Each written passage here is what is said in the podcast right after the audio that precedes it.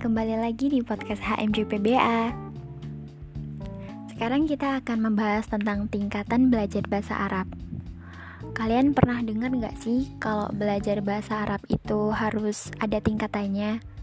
Mungkin dari tingkat 1, tingkat 2, tingkat 3, hingga tingkat 4. Semuanya ada tahapannya. Kalau belum pernah dengar sama sekali, mari kita dengarkan tingkatan belajar bahasa Arab yang membuat ketagihan belajar.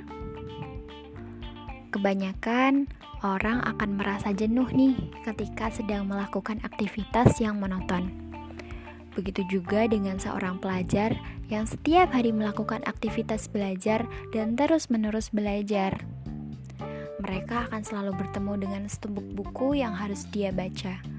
Bahkan, dia dituntut menguasai banyak buku untuk menjelaskannya di depan kelas. Siapa sih yang tidak bosan dengan kegiatan belajar yang seperti itu? Itu saja. Yang seharusnya diisi dengan kegiatan yang penuh kebahagiaan dan kesenangan.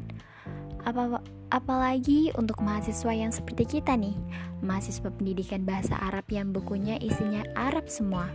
Duh, tambah pusing lah ya. Tapi ada loh secuil manusia yang dengan asiknya belajar tanpa merasa jenuh, merasa ingin terus-menerus belajar, bahkan merasa ketagihan untuk belajar. Kenapa? Kenapa kita tidak seperti mereka? Padahal kita sama-sama manusia, sama-sama mempunyai masalah hidup yang tidak cukup ringan.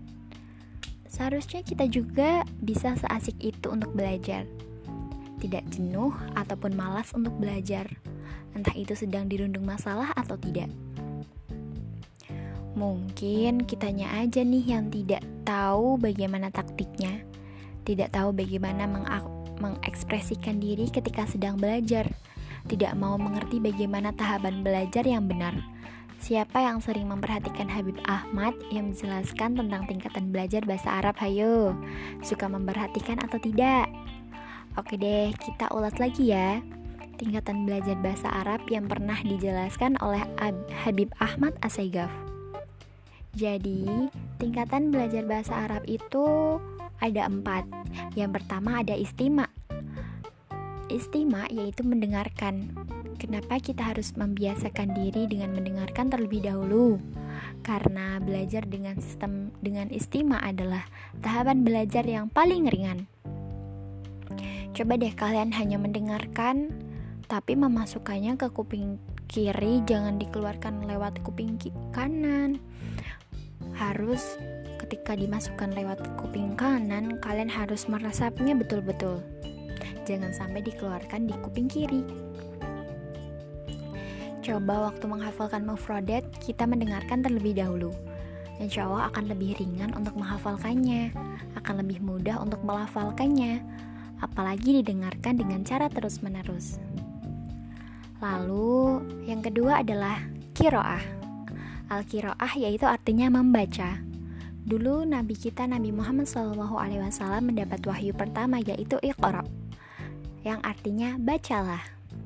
Nabi Muhammad tidak bisa membaca, tetapi Nabi Muhammad SAW adalah manusia yang paling cerdas, sehingga hanya dengan mendengar beliau bisa terus-menerus mengingat, bahkan hafal. Jadi tingkatan kedua adalah membaca setelah mendengarkan. Bayangkan jika saat ini kamu sedang hafalan. Kamu difasilitasi berupa audio mufrodat dan tulisannya. Agar hafalannya seru, kamu mendengarkan terlebih dahulu, lalu membaca tulisannya. Agar ketika mendengarkan mufrodat di lain waktu, bisa ingat bagaimana tulisannya. Lalu yang ketiga ada Alkitabah yaitu menulis. Menulis bukan hanyalah menempelkan pena ke kertas putih saja. Menulis membutuhkan pikiran yang berjalan dengan hati. Orang yang suka membaca akan lebih banyak menulisnya. Maka dari itu, menulis tingkatan nomor tiga setelah membaca. Karena kalau tidak banyak membaca, maka tidak akan bisa menulis, apalagi menulis bahasa Arab yang perlu diingat bagaimana penulisannya karena banyak sekali apa yang kita dengar tidak deng tidak sesuai tulisannya. Orang bilangnya kho, kita nulisnya H, kan nggak lucu. Lalu yang keempat ada al-kalam. Al-kalam itu berbicara. Kita akan mempunyai seni berbicara setelah kita pandai mendengarkan, banyak membaca, sering menulis. Jika terus dilakukan secara bertahap, insya Allah kita akan mempunyai seni berbicara bahasa Arab. Itu dia empat tingkatan belajar bahasa Arab dari Habib Ahmad Asegaf. Beliau juga pernah mengatakan ukuran berhasilan seorang belajar pelajar yaitu belajar bahasa Arab. Belajar bahasa asing adalah ketika dia berpikir menggunakan bahasa itu sendiri. Maksudnya dalam pikirannya sudah memikirkan akan mengatakan ini itu dengan bahasa Arab itu sendiri.